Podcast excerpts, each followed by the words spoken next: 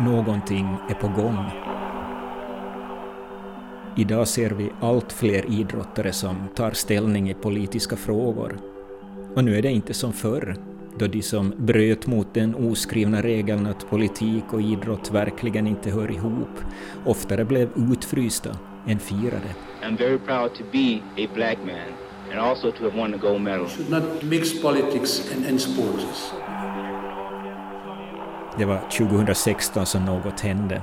We have cops that are murdering people, and those issues need to be addressed. Något som blev starten på en förändring och fick idrottare på bred front att engagera sig i frågor gällande rasism och jämställdhet mellan könen och mänskliga rättigheter, också i länder som Belarus och Qatar.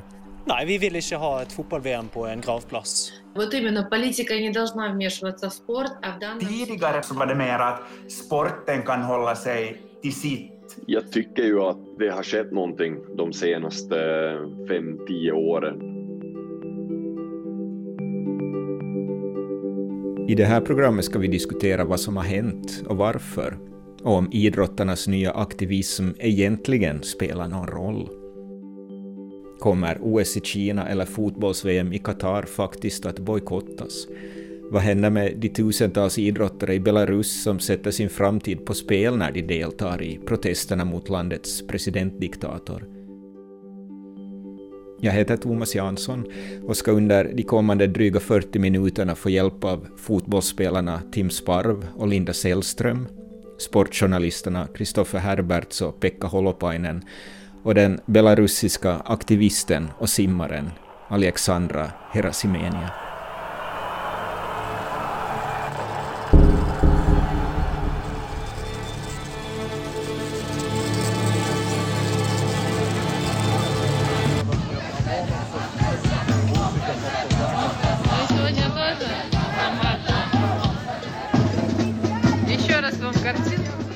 Instagram hittade jag en lång video från höstens demonstrationer i Belarus.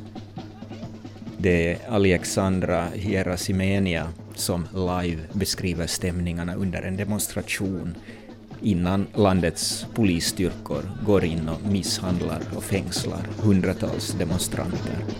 Вот именно, политика не должна вмешиваться в спорт, а в данном ситуации у нас э, все, все и все в политике. У нас нету спорта, у нас нету медицины, у нас нету литературы в том числе. I Я Belarus почему у нас, idag э, är precis идет allt посадили politik. на Sjukvård, litteratur och idrott. Allt, berättar Alexandra när jag får kontakt med henne. Hon berättar att många idrottare har satt sin framtid på spel när man har gjort någonting tidigare otänkbart och bestämt sig för att ta ställning politiskt.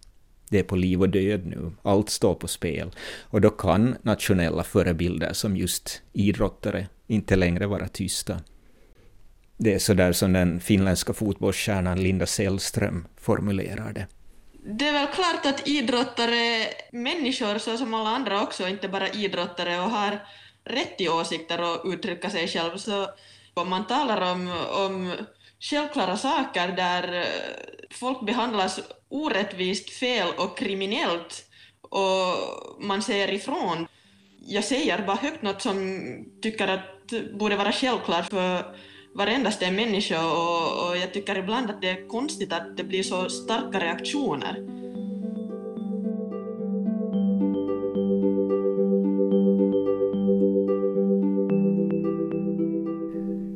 Det låter självklart att också idrottare har rätt till åsikter. Men så har det inte alltid varit. Idrottens flaggskepp, de olympiska spelen, har i modern tid alltid velat poängtera det rena och edla med idrotten. Sammanfattat i den olympiska kommittén IOKs mångåriga ordförande Pierre de Coubertins tidiga 1900-talsfras. Det väsentliga är inte att ha segrat utan att ha kämpat väl. Skrapar man lite under ytan märker man för all del snabbt att politiken alltid har funnits närvarande. Coubertin var en starkt nationalistisk politiker som ville utnyttja idrotten till att matta av den växande arbetarklassens alltmer revolutionära krav, sådär som författaren P.O. Enquist formulerade i sin bok Två reportage om idrott. Citat. För att skapa stabilitet i samhället måste arbetarklassen ges nya former av riter, en ny sekulariserad religion, och idrotten var en sån religion. Det här med politiskt engagemang var något som bland idrottarna inte riktigt fanns på kartan ens 110 år senare. Tim Sparv och Linda Sällström minns sina tankar i början av karriären. Jag kan nog inte komma ihåg att jag för tio år sedan skulle liksom ha reagerat att idrottare skulle tala om annat än, än idrott också. Det har jag inte lagt märke till då. Just när jag var som ung och började ta mina första eh, små stapplande steg inom fotbollen så, så då var det egentligen bara den där, det där bollsparkandet som, eh, som, var, som var mitt fokus och just den där, den där bilden av att hur en idrottare ska vara, så det är på något sätt att det handlar om att, att vinna sina matcher och att, att, att vara starkast, att vara snabbast. Sen också att, att idrottsarenan på något sätt är som en neutral miljö där man ska vara lite försiktig av vad man säger, vad man tycker och tänker. Eh, speciellt de saker som inte har att, att göra med idrotten.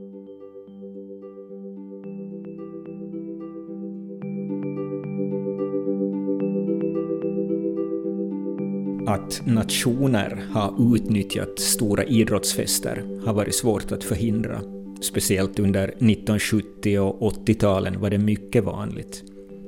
Det handlar om bojkotten av Sydafrika under landets apartheidpolitik, eller om palestinska terroristers attack mot de olympiska spelen i München 1972 eller 1980 då USAs president Jimmy Carter valde idrotten som protestarena mot Sovjetunionens inmarsch i Afghanistan. I have notified the Olympic Committee that with Soviet invading forces in Afghanistan, neither the American people nor I will support sending an Olympic team to Moscow. Varken den bojkotten eller öststaternas bojkott av OS i Los Angeles fyra år senare spelar egentligen någon roll. Men så har vi den politiska vittvättens mästerverk, OS i Berlin, som Hitler invigde 1936. Ich verkünde die Spiele von Berlin als eröffnet. Tyskland använde de olympiska spelen för att sprida ryktet om ett välfungerande samhälle trots fångläger och judeförföljelser. Lite bortglömt är att Tyskland det året också arrangerar vinter-OS, och när landets armé bara tre veckor senare testade omvärlden med att marschera in i det demilitariserade renområdet var det ingen som sade stopp. Intressant nog agerar Ryssland på samma sätt 78 år senare. Ungefär just tre veckor efter OS i Sochi 2014 blev ukrainska Krimhalvön plötsligt en del av Ryssland. Men samtidigt som nationer ostraffat har utnyttjat stora idrottsevenemang i politiska syften, så har idrottare som brutit mot de ädla idealen alltid bestraffats. Boxaren Olli Mäki var ett av Finlands få guldhopp inför OS 1960, men ströks från deltagarlistan när han vägrat avstånd från sin klubb som var en del av arbetarnas idrottsförening. Finländsk idrott var ända sedan inbördeskriget uppdelad i borgerliga idrottsföreningar och arbetarföreningar, en uppdelning som var starkt närvarande ända fram till 1990-talet. En annan boxare, Muhammad Ali, blev av med världsmästartiteln när han 1967 vägrade göra sin militärtjänst i Vietnam och när de svarta idrottarna Tommy Smith och John Carlos lyfte sina knytnävar under prisutdelningen i OS i Mexiko 1968 möttes de av burop när de lämnade arenan. Den amerikanska nyhetskanalen ABC kommenterar. The Negro athletes wear buttons reading Olympic Project for Human Rights. There were some boos in the stadium last night. ABC sports editor Howard Cosell spoke to Tommy Smith. Det var en aktion som ville sätta ljuset på svarta amerikaners situation i USA, men den skulle också symbolisera en stolthet över att vara svart, berättar Tommy Smith i en intervju efteråt. Right glove that I wore on my right hand signified the power within black America. I'm very proud to be a black man and also to have won the gold medal. And this, I thought, I could represent my people by letting them know that uh, I'm proud to be a black man. Den synliga följden av den aktionen var att Smiths och Carlos idrottskarriärer krossades. Det var så det var. Idrottens arenor skulle inte färgas av idrottares personliga åsikter, och den atmosfären var rådande ännu 2016, då den amerikanska fotbollsspelaren Colin Kaepernick gjorde något tidigare otänkbart. ABC rapporterar. Overnight, San Francisco 49ers quarterback Colin Kaepernick refusing to stand during the national anthem. And he's receiving heavy boos here. The crowd booing every time he took a snap. Inför en match knäböjde Kaepernick under USAs nationalsång som protest mot det strukturella polisvåld som svarta medborgare utsätts för i USA. We have cops that are murdering people. We have cops in the SFPD that are blatantly racist. And those issues need to be addressed. How far will this go? Hur långt kommer det här att gå? Också den gången höll buropen och en framtid utan spelkontrakt på att bli den enda följden av aktionen. Men istället fick den småningom global spridning. Idrottare runt om i världen knäböjde inför matcher som ett stöd för Black Lives Matter-rörelsen och kampen mot rasism. Och sportföretaget Nike passade på att göra Kaepernick till en PR-figur för bolagets produkter. Något som berättar mycket om sponsorernas nya inställning till idrottarnas politiska utspel. Och i fjol bevisade den svarta engelska fotbollsstjärnan Marcus Rashford att idrottare kan göra skillnad när han utmanade den brittiska regeringen på ett mycket effektivare sätt än vad parlamentets opposition hade lyckats med. Fotbollsmiljonären Rashford krävde gratis skolmåltider för barn från fattiga familjer, först under sommarlovet och sen också under lockdownens distansundervisning, och berättade samtidigt hur viktiga de måltiderna hade varit för honom och hans familj när han var barn. Marcus Rashford kommenterar för BBC. Basically, I'm just hoping that the government make a make a U-turn on on the decision to to stop the free meal vouchers. Um, I'm just hoping they do it as soon as possible, really. I know they've... Prime Minister Boris Johnson praised Mr Rashford's contribution to the debate around poverty. Uh, Idag stiger idrottare fram i offentligheten i kampen mot rasism och för jämställdhet mellan könen. Det kan också handla om protester mot att låta länder som inte respekterar mänskliga rättigheter arrangera stora idrottstävlingar, sådär som nästa års vinter-OS i Kina och fotbolls-VM i Qatar. Men det finns ett land där idrottare just nu synligt sätter sig själva och sin framtid på spel, och det är Belarus.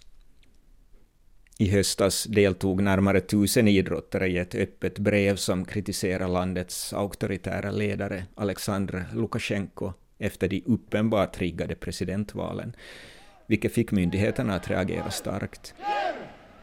Det här är simmaren Alexandra Herasimenia från Belarus. Я скажу, что вообще для власти это было легким шоком, что спортсмены вообще посмели открыть рот, потому что мы полностью зависим от государства, мы полностью спонсируемся государством. För myndigheterna var det en chock att idrottarna vågar ta ställning, eftersom vi ekonomiskt är så totalt beroende av staten. Dessutom lever Sovjettidens respekt för idrottare fortfarande kvar i Belarus idrottare ses som förebilder och borde därför vara en lydig del av nationsbygget. Att just idrottare syntes så tydligt i protesterna mot Lukasjenko fick därför staten att slå extra hårt mot dem. Alexandra Herasimenia har vunnit VM-guld och OS-medaljer, senast OS-brons i Brasilien 2016, och när hon efter det avslutade sin aktiva karriär grundade hon en simklubb för barn och unga När staten såg att hon var med om protesterna stängdes simklubben omedelbart. Я прочувствовала на себе это так, почему я это прочувствовала, так как у меня уже свой клуб плавания был, я закончила... Myndigheterna har nu skurit ner det ekonomiska stödet i flera grenar med idrottare som demonstrerat, vilket är helt avgörande eftersom staten står bakom både idrottarnas sponsoravtal och löner. Flera kända idrottare fängslades. Exemplen är så många att man grundade Belarusian Sports Solidarity Foundation som uttryckligen ska stödja idrottare som på olika sätt bestraffats för sitt politiska engagemang. Den stiftelsen leds av just Alexandra Gerasimenia. Belarus har spelat en stor roll i det som visar att någonting faktiskt har förändrats under de senaste åren. Ännu 2014 kunde den Alexandr Lukasjenko-ledda staten arrangera VM i ishockey utan några större protester, något som den internationella hockeybossen René Fasel försökte driva igenom också i år genom att hävda att idrotten står ovanför politiken. We should not mix politics and, and sport. It's so different, you know. We, we are coming here for sport.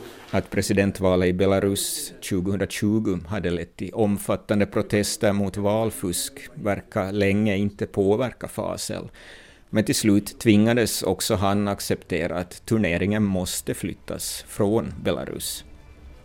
Stor seger för demokratirörelsen och enligt Alexandra ett bevis för att idrott och politik hör ihop.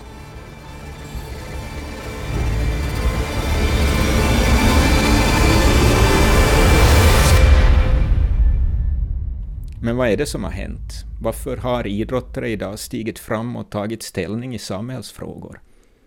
Först, Tim Sparv.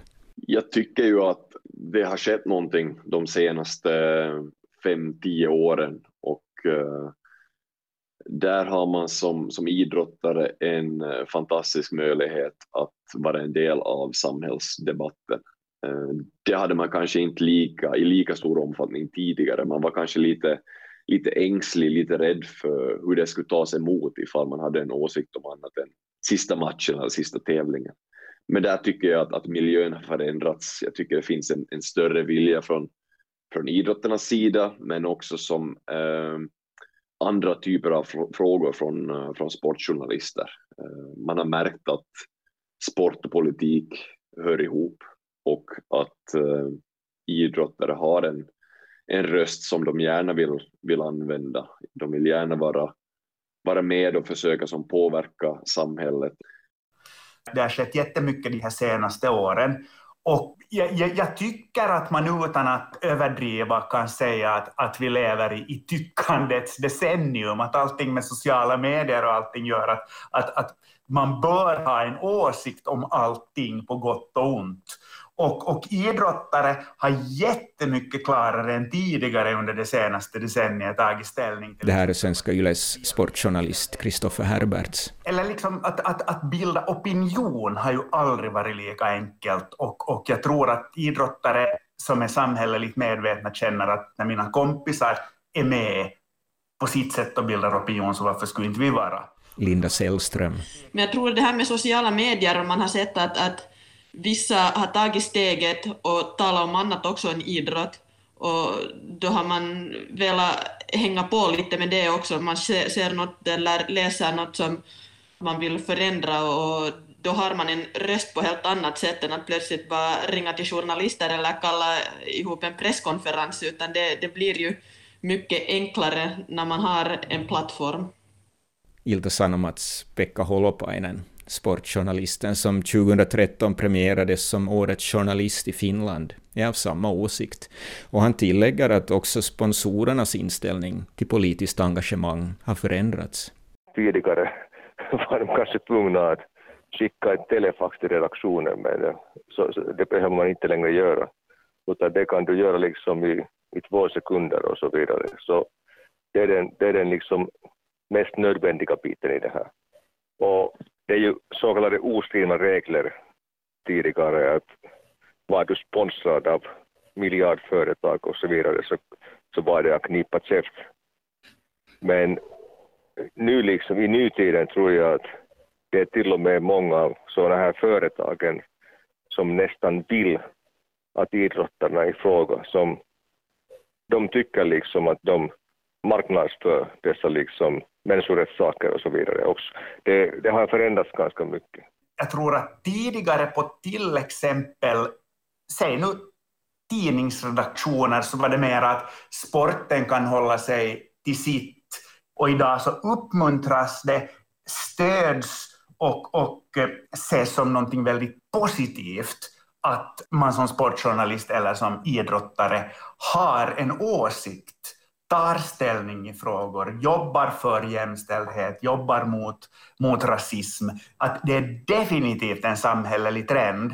Men sen om, om man vill vara lite cynisk så tror jag också att sportjournalister och idrottare är ju, menar, de tycker också om likes de är på sitt sätt varumärken. Och där tror jag kanske det där sociala medier spelar in. Att om du skriver en, en analys av, av hur backlinjen spela i en viss bortamatch så, så du, du, de, de insnöade tycker att det är bra, men om du istället skriver en analys om, om kvinnors mänskliga rättigheter i Qatar så får du otroligt mera tummar och uppmuntrande kommentarer. Och det tror jag definitivt bidrar till att, att, att man är mera benägen att, att skriva den typen av texter. Så där tror jag sociala medier inverkar. Sociala medier, samhällsklimatet, sportjournalistik som har breddat sitt perspektiv. Det finns mycket som har lett fram till där vi står idag. Tanken att det hör till att ha en åsikt om dagsaktuella saker. Men också idrottarna själva verkar ha förändrats. Tim Sparv och Linde Sällström. Det finns egentligen som två, två olika orsaker till det. Alltså för det första så, så har jag blivit äldre. Eh, jag, jag är inte lika som inlåst i den där bubblan, den där fotbollsbubblan som jag var tidigare, utan eh, jag har ett, ett intresse för, för andra ämnen i, i världen. Eh, så där hade som funnits en, en vilja, en lust från min, från min egen sida att, ja, att prata om andra saker än enbart fotboll. Andra orsaken är väl kanske den, den plattform jag har fått i och med att jag varit kapten för, för landslaget eh, de, de senaste åren. Många av de här vad ska man säga, större frågorna som riktas mot mig och då tycker jag det är viktigt att, att just som kapten ta ansvaret, att inte som på något sätt gömma sig för, för svåra frågor utan att ha en åsikt. Och ehm, det tycker jag som på något sätt tvingat mig att, att ta ställning också för man har som en, en roll att spela även i, i eh, samhällsdebatten. Jag känner väl själv också att, att jag på senare dagar har vidgat mina tankesätt och, och istället för att bara fotboll, fotboll, fotboll så insett att det, det finns en värld utanför också och kanske börja följa samhälleliga diskussioner på, på ett annat sätt och, och vilja förstå världen runt omkring mig och, och utvecklas själv som människa. Jag kan tänka mig att det, det är många andra också som, som har tänkt likadant, att, att de vill bli mera medvetna om vad som händer runt omkring en och, och inte bara utvecklas som idrottare utan ut, utvecklas som individ och, och människa också. Och, och jag tror att det, det till en stor del har lett till det att folk tar mer och mer ställning för att folk är mer och mer insatta.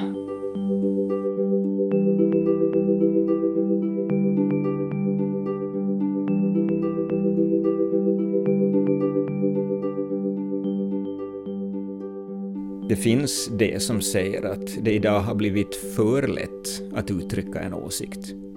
Och Kristoffer Herberts konstaterar att det behövs idrottare som sätter sig själva på spel för att det ska kännas som om det är på riktigt.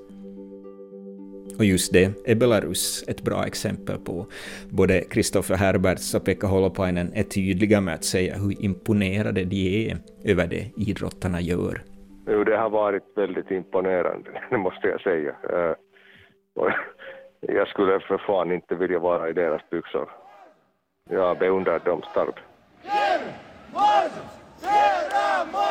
Alexandra Gerasimenia har på grund av sitt engagemang i Belarusian Sports Solidarity Foundation åtalats för brott mot staten tidigare i vår och hotas av ett femårigt fängelsestraff. Det rubbar för all del inte hennes cirklar. Hon och hennes barn flyttade i höstas till Litauen när hon insåg att det är för farligt att stanna i Minsk. Idrottare, berättar hon, var under Sovjettiden något man såg upp till. Idrottare var förebilder, och det har levt kvar också i Belarus. Traditionellt har man kanske just därför inte tagit ställning i politiska frågor, Så jag frågar vad det var som nu fick så många idrottare att delta i demonstrationerna, fast det så definitivt kan komma att påverka deras framtid. Hon svarar med att säga att man helt enkelt inte kunde vara tyst Плюс мы как известные люди, мы как, скажем так, популярные в своей стране, мы считали ну, как своей обязанностью äh, показать наше мнение и высказаться то, что Eftersom vi idrottare är kända och populära såg vi det som vår plikt att komma ut med det vi tänkte och säga det högt, att vi är med folket i den här frågan. De har stött oss när vi idrottar och nu stöder vi dem. En orsak till att myndigheterna har tagit Belarusian Sports Solidarity Foundation som måltavla är stiftelsens aktiva jobb för att få internationella organisationer att flytta sina tävlingar bort från Belarus. Sådär som världsmästerskapen i ishockey. Så länge mänskliga rättigheter inte respekteras i Belarus och oskyldiga människor fängslas borde det vara omöjligt att arrangera internationella tävlingar här, säger Alexandra. Då jag frågade vad hon tänkte när hon hörde att ishockeyförbundet till slut fattade beslutet att flytta spelen från Belarus, svarade hon. det var en stor lättnad, för vi hade jobbat så hårt och så länge. Ну, наверное, такой выдох, потому что это была очень большая проделанная работа. Мы несколько, ну, пару месяцев работали конкретно над переносом чемпионата мира из Беларуси. Мы сотрудничали Men det var viktigt också av andra orsaker. Alexandra konstaterar att man kanske räddade tusentals människor som hade arresterats och misshandlats när myndigheterna hade varit tvungna att rensa gatorna i Minsk från alla demonstrationer som VM-turneringen säkert hade fått ut på gatorna По крайней мере, мы сохранили еще, возможно, тысячу можно так сказать, жизни людей, которые могли бы оказаться за решеткой, так как мы понимаем, что зачищали бы улицы, зачищали... Efter hockey-VM jobbar demokratirörelsen nu med att få sommarens Europamästerskap i bancykling flyttat från Belarus till ett annat land, eftersom alla internationella kontakter med president Lukasjenko idag är som en spottloska i ansiktet på folket, som Alexandra Gerasimenia formulerar det. Det är som om man godkände hans ställning som president. Lukasjenko har tagit makten på ett olagligt sätt och alla kontakter med honom är oerhört obehagliga för vårt folk, säger hon. Idrotten kan inte tro att den står ovanför det. Любые контакты с Лукашенко, они, ну, для белорусского народа это как плевок, можно сказать, в лицо, потому что признавать его президентом, а организация мероприятия — это, безусловно, признание его президентом страны. Ну, для белорусского народа это абсолютно не так. Он Och nu, hur ser det ut om ett halvt år? frågar jag. Det kommer att bli svårt, säger hon. Folk flyttar utomlands i tusental. Men om ett halvt år finns redan det nya Belarus och människor börjar flytta tillbaka. Är det något hon vill tro, eller på riktigt tror, frågar jag. Och hon svarar, jag vet att det blir så. Jag знаю, что это случится. Jag знаю.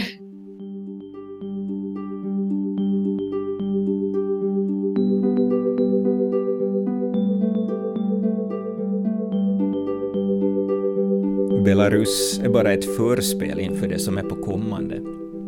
2022 blir ett superår vad gäller idrottens roll inom världspolitiken. I februari arrangerar Kina vinter-OS. I november står Qatar som värd för fotbolls-VM. Och då talar vi om två av världens tre överlägset största idrottsarrangemang i politiskt sett oerhört kontroversiella länder.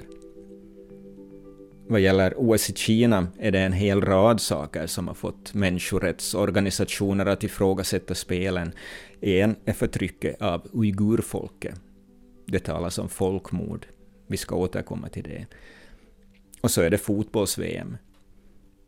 Att Qatar fick spelen tack vare mutor är en allmänt känt, men frågan är ändå hur en fotbollsturnering kunde beviljas en ökennation där sommartemperaturen ligger på runt 40 grader vilket gör att världens största fotbollsfest måste arrangeras under vinterhalvåret.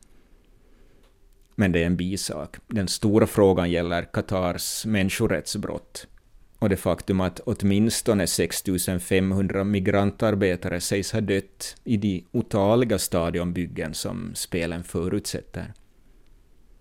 Det är nu långt till VM i Qatar, men redan nu har allt fler idrottare och organisationer tagit ställning mot spelen.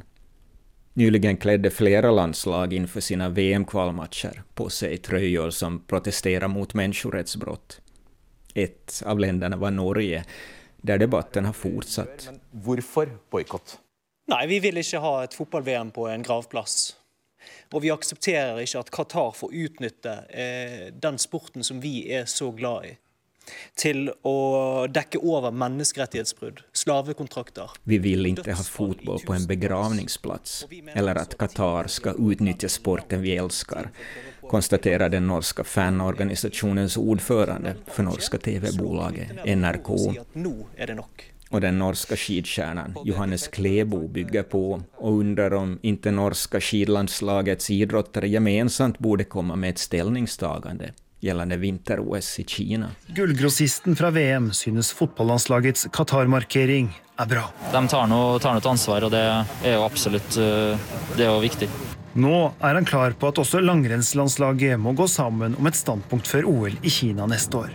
Et land som har mange av de samme menneskerettighetsproblemene. I Finland hittade bojkottidén till sportsidorna i januari 2019 när Riku Riski av etiska skäl vägrar följa fotbollslandslaget till ett träningsläger i just Qatar. Landslagets kapten Tim Sparv säger sig respektera aktionen, men tillägger att han inte är någon vän av bojkottidén. Jag har sagt tidigare att jag, jag kommer inte att bojkotta. Ehm, samtidigt så, så vill jag gärna försöka påverka på, på andra olika sätt. Ehm, ett sätt är ju att, att lyfta fram sådana här frågor, lyfta fram hur dåligt Qatar ehm, behandlar sina gästarbetare, hur eh, just homosexuellas rättigheter och det är ju ett, ett sätt. Jag tror bojkott, visst om det är någon som vill använda den, den delen så, så får de ju göra det, men, men jag känner inte att det är ett, ja, en taktik som jag själv skulle ta mig till. Jag tror inte på några bojkotter och så vidare. Eh, samtidigt måste man också tänka på idrottarna som slitit i 10-15 år. Att de inte skulle få tävla i OS, det, det tycker jag inte är positivt alls. Och samtidigt förutsätter man att idrotten och idrottarna skulle vara förebilder i det här. Och samtidigt gör man utrikeshandel med Kina så mycket, hur mycket som helst. Så jag tycker liksom det är så att säga lite, man spelar med två ansikten. Qatar har under de senaste åren öst pengar över internationella idrottsförbund. Förutom kommande VM i fotboll har man stått som värd också för världsmästerskapen i handboll och friidrott.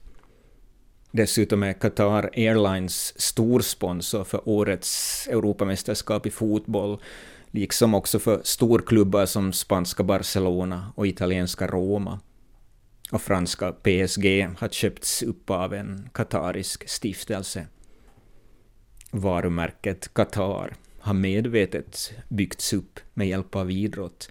Och så länge pengarna duger lär slagord på t-skjortor inte betyda så mycket. Därför vänds blickarna nu allt oftare mot sponsorerna. Det är ingen slump.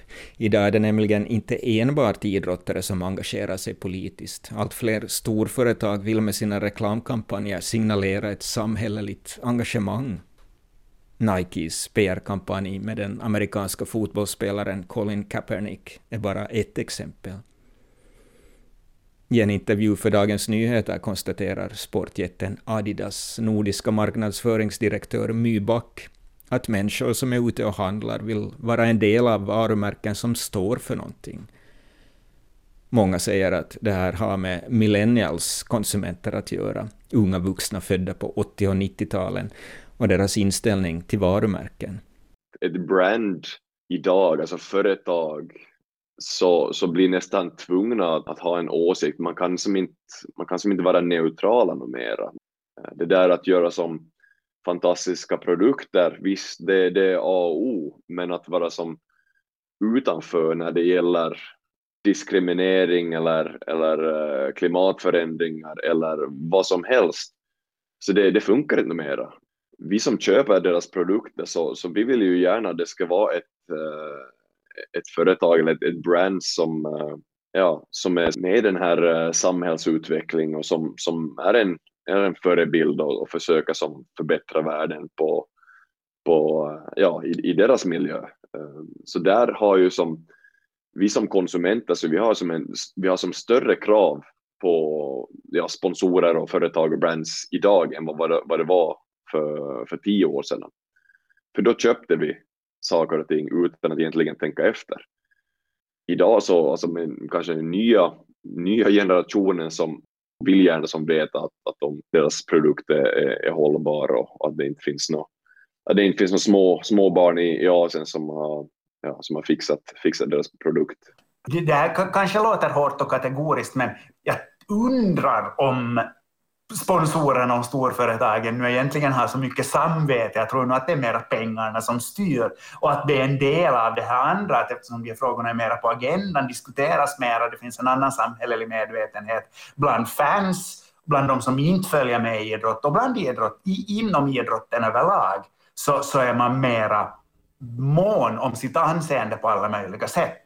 Och att, och att också det här börjar inte hos företagen, utan det börjar hos konsumenten. Och vad är väl bättre än det?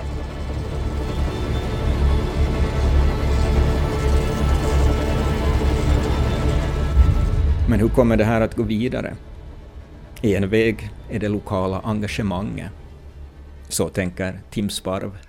Jag tycker det som jag kanske har spenderat mest tid och pengar på så är väl kanske det här att, att försöka få, få unga människor att, uh, att vara lite mer fysiskt aktiva och, och, och där har jag som eh, byggt sådana små minifotbollsplaner uppe i Österbotten och, och på så sätt uh, inspirera barn och unga att, att uh, vara ute på, på rasterna och, och leka och spela fotboll. Så den delen är, är väldigt nära mitt hjärta, men också Alltså, sen är jag också som pratar mycket om, om den rasism som finns i samhället och, och fotbollen och, och varit med i olika kampanjer och, och ja, försökt göra någonting för att, att förbättra klimatet på något sätt. Men, men där finns ju jättemånga intressanta och stora frågor som man gärna är en del av. Då är det viktigt att, att vi som kanske på något sätt förebilder idrottare och så som folk ser upp till, att vi ser ifrån att nej, det är inte okej att vara rasist eller andra saker, då kanske man får en tankeställare att aha, okej, okay, det är inte okej okay för de här heller och när det kommer från tillräckligt många håll så då kanske folk inser att de kanske har ett lite trångt synsätt själv och om, om inte ändrar synsätt i alla fall förstår att eh, så som de beter sig inte är okej okay och ska de vara rasister så får de göra det ensamma hemma för sig själva. Men kan man med idrottsaktivism förändra världen? Kina är för stort, säger Pekka Holopainen. Inga påtryckningar rubbar deras cirklar. Nu tänker Tysklandsbaserade uigurernas världskongress ändå försöka genom att sätta press på företag som Airbnb, Coca-Cola, Samsung och Visa, de som har sponsorkontrakt med OS i Kina.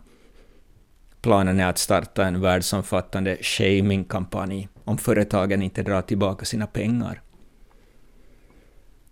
Sponsorerna bakom VM i Qatar lär i framtiden få liknande krav ställda på sig. På ett lokalt plan började nämligen redan röra på sig. I danska tidningen Politiken läser jag att det danska fotbollslandslagets viktigaste sponsor vill bryta avtalet eftersom man ser Qatar som ett problem. Idrottsförbunden bakom tävlingarna har ändå ingen avsikt att ändra sina planer. Något som förstås också har att göra med att det inte finns någon B-plan. Redan 2015 när Kina tilldelades nästa års vinter-OS var den auktoritärt styrda staten Kazakstan Kinas enda utmanare. Dessa jättelika idrottsfester har helt enkelt blivit så stora att väldigt få nationer har resurser att arrangera dem som Kristoffer Herberts konstaterar.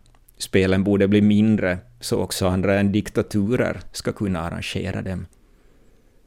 Å andra sidan är just spelens storlek något som lockar jättepubliken. Det är en svår ekvation att lösa. Så hur kommer det att fortsätta? Både Pekka Holopainen och Kristoffer Herberts gissar att OS i Kina och VM i Qatar kommer att arrangeras som planerat. Men... Det ska bli kul att se vad, vad det kommer för initiativ, både från, från landslagen, organisationerna, från, från sponsorer, från enskilda idrottare, vad man, vad man hittar på. Ehm, jag hoppas ju att det finns en, en lust just när, när man, är, när man befinner sig när, där nere i Qatar, fotbolls-VM, att, att det sker någonting konkret. Ehm, just att man använder som presskonferenserna ehm, till att ta ställning till att ja, ställa komplicerade och svåra frågor till, eh, till Qatars regim. Jag tror de blir mer och mer högljudda på vägen till Qatar och så tror jag att mästerskapet ordnas i Qatar och eh, medierna åker dit och är väldigt kritiska till allting. Så att jag tror att det slutar på så sätt att, att VM spelas i Qatar, men fotbollsvärldens samvete klarar sig eftersom det inte blev en PR-seger för Qatar som det har hoppats på i Qatar.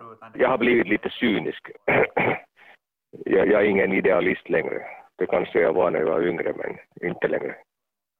Om man fortfarande ger dessa jättestora arrangemang till dessa rövhålsländer i Persiska viken, så då är det nästan möjligt att den stora publiken vänder sin rygg. Det är så mycket korruption och det, jag var själv i friidrotts-VM i Qatar för, för år sedan och denna liksom eh, slavkulturen var, det var helt otroligt. Man ska absolut inte arrangera någonting i, i, i sådana där länder. Det här är, tror jag, är bara början äh, egentligen. Och det ska som väldigt fascinerande att se hur, hur det som utvecklas och var vi kommer att befinna oss om 10-15 år. Att hur, hur samhällsklimatet ser ut och hur, hur stor del av debatten idrotten är.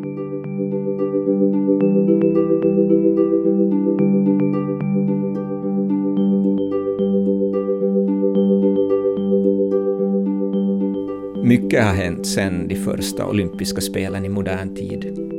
Drömmen om den stora idrottsfesten fanns där redan 1896, även om de första spelen knappt väckte någon uppmärksamhet alls och arrangemangen var darriga.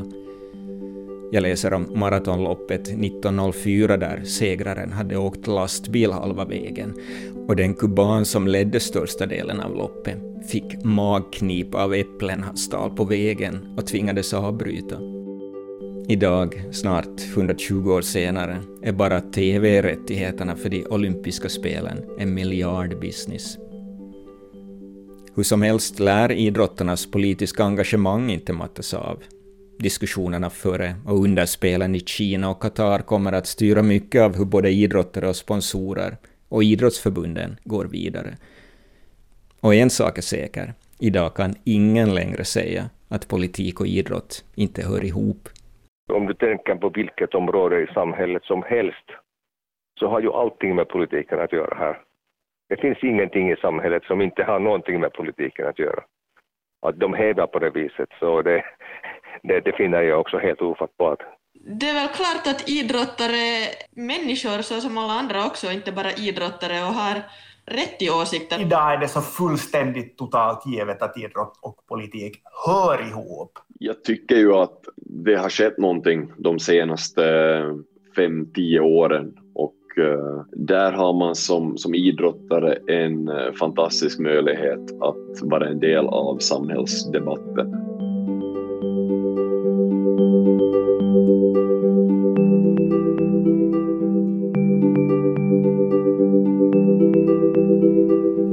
Här var ett reportage av mig, Thomas Jansson. Producent Staffan von Martens.